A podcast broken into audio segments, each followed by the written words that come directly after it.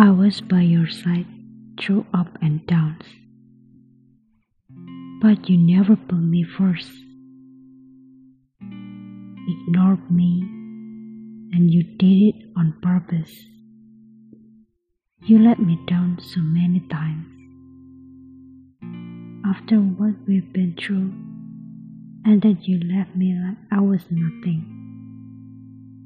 So all these times, what did we do? Did it has a meaning for you? And what now? You hit me out of the blue. Pretend like you care what I'm doing. Oh, but thank you. I'm over it. I'm done with the nonsense. I fed up with your sweet talks. I don't want you to remember me. Please take this heart that you gave me with you.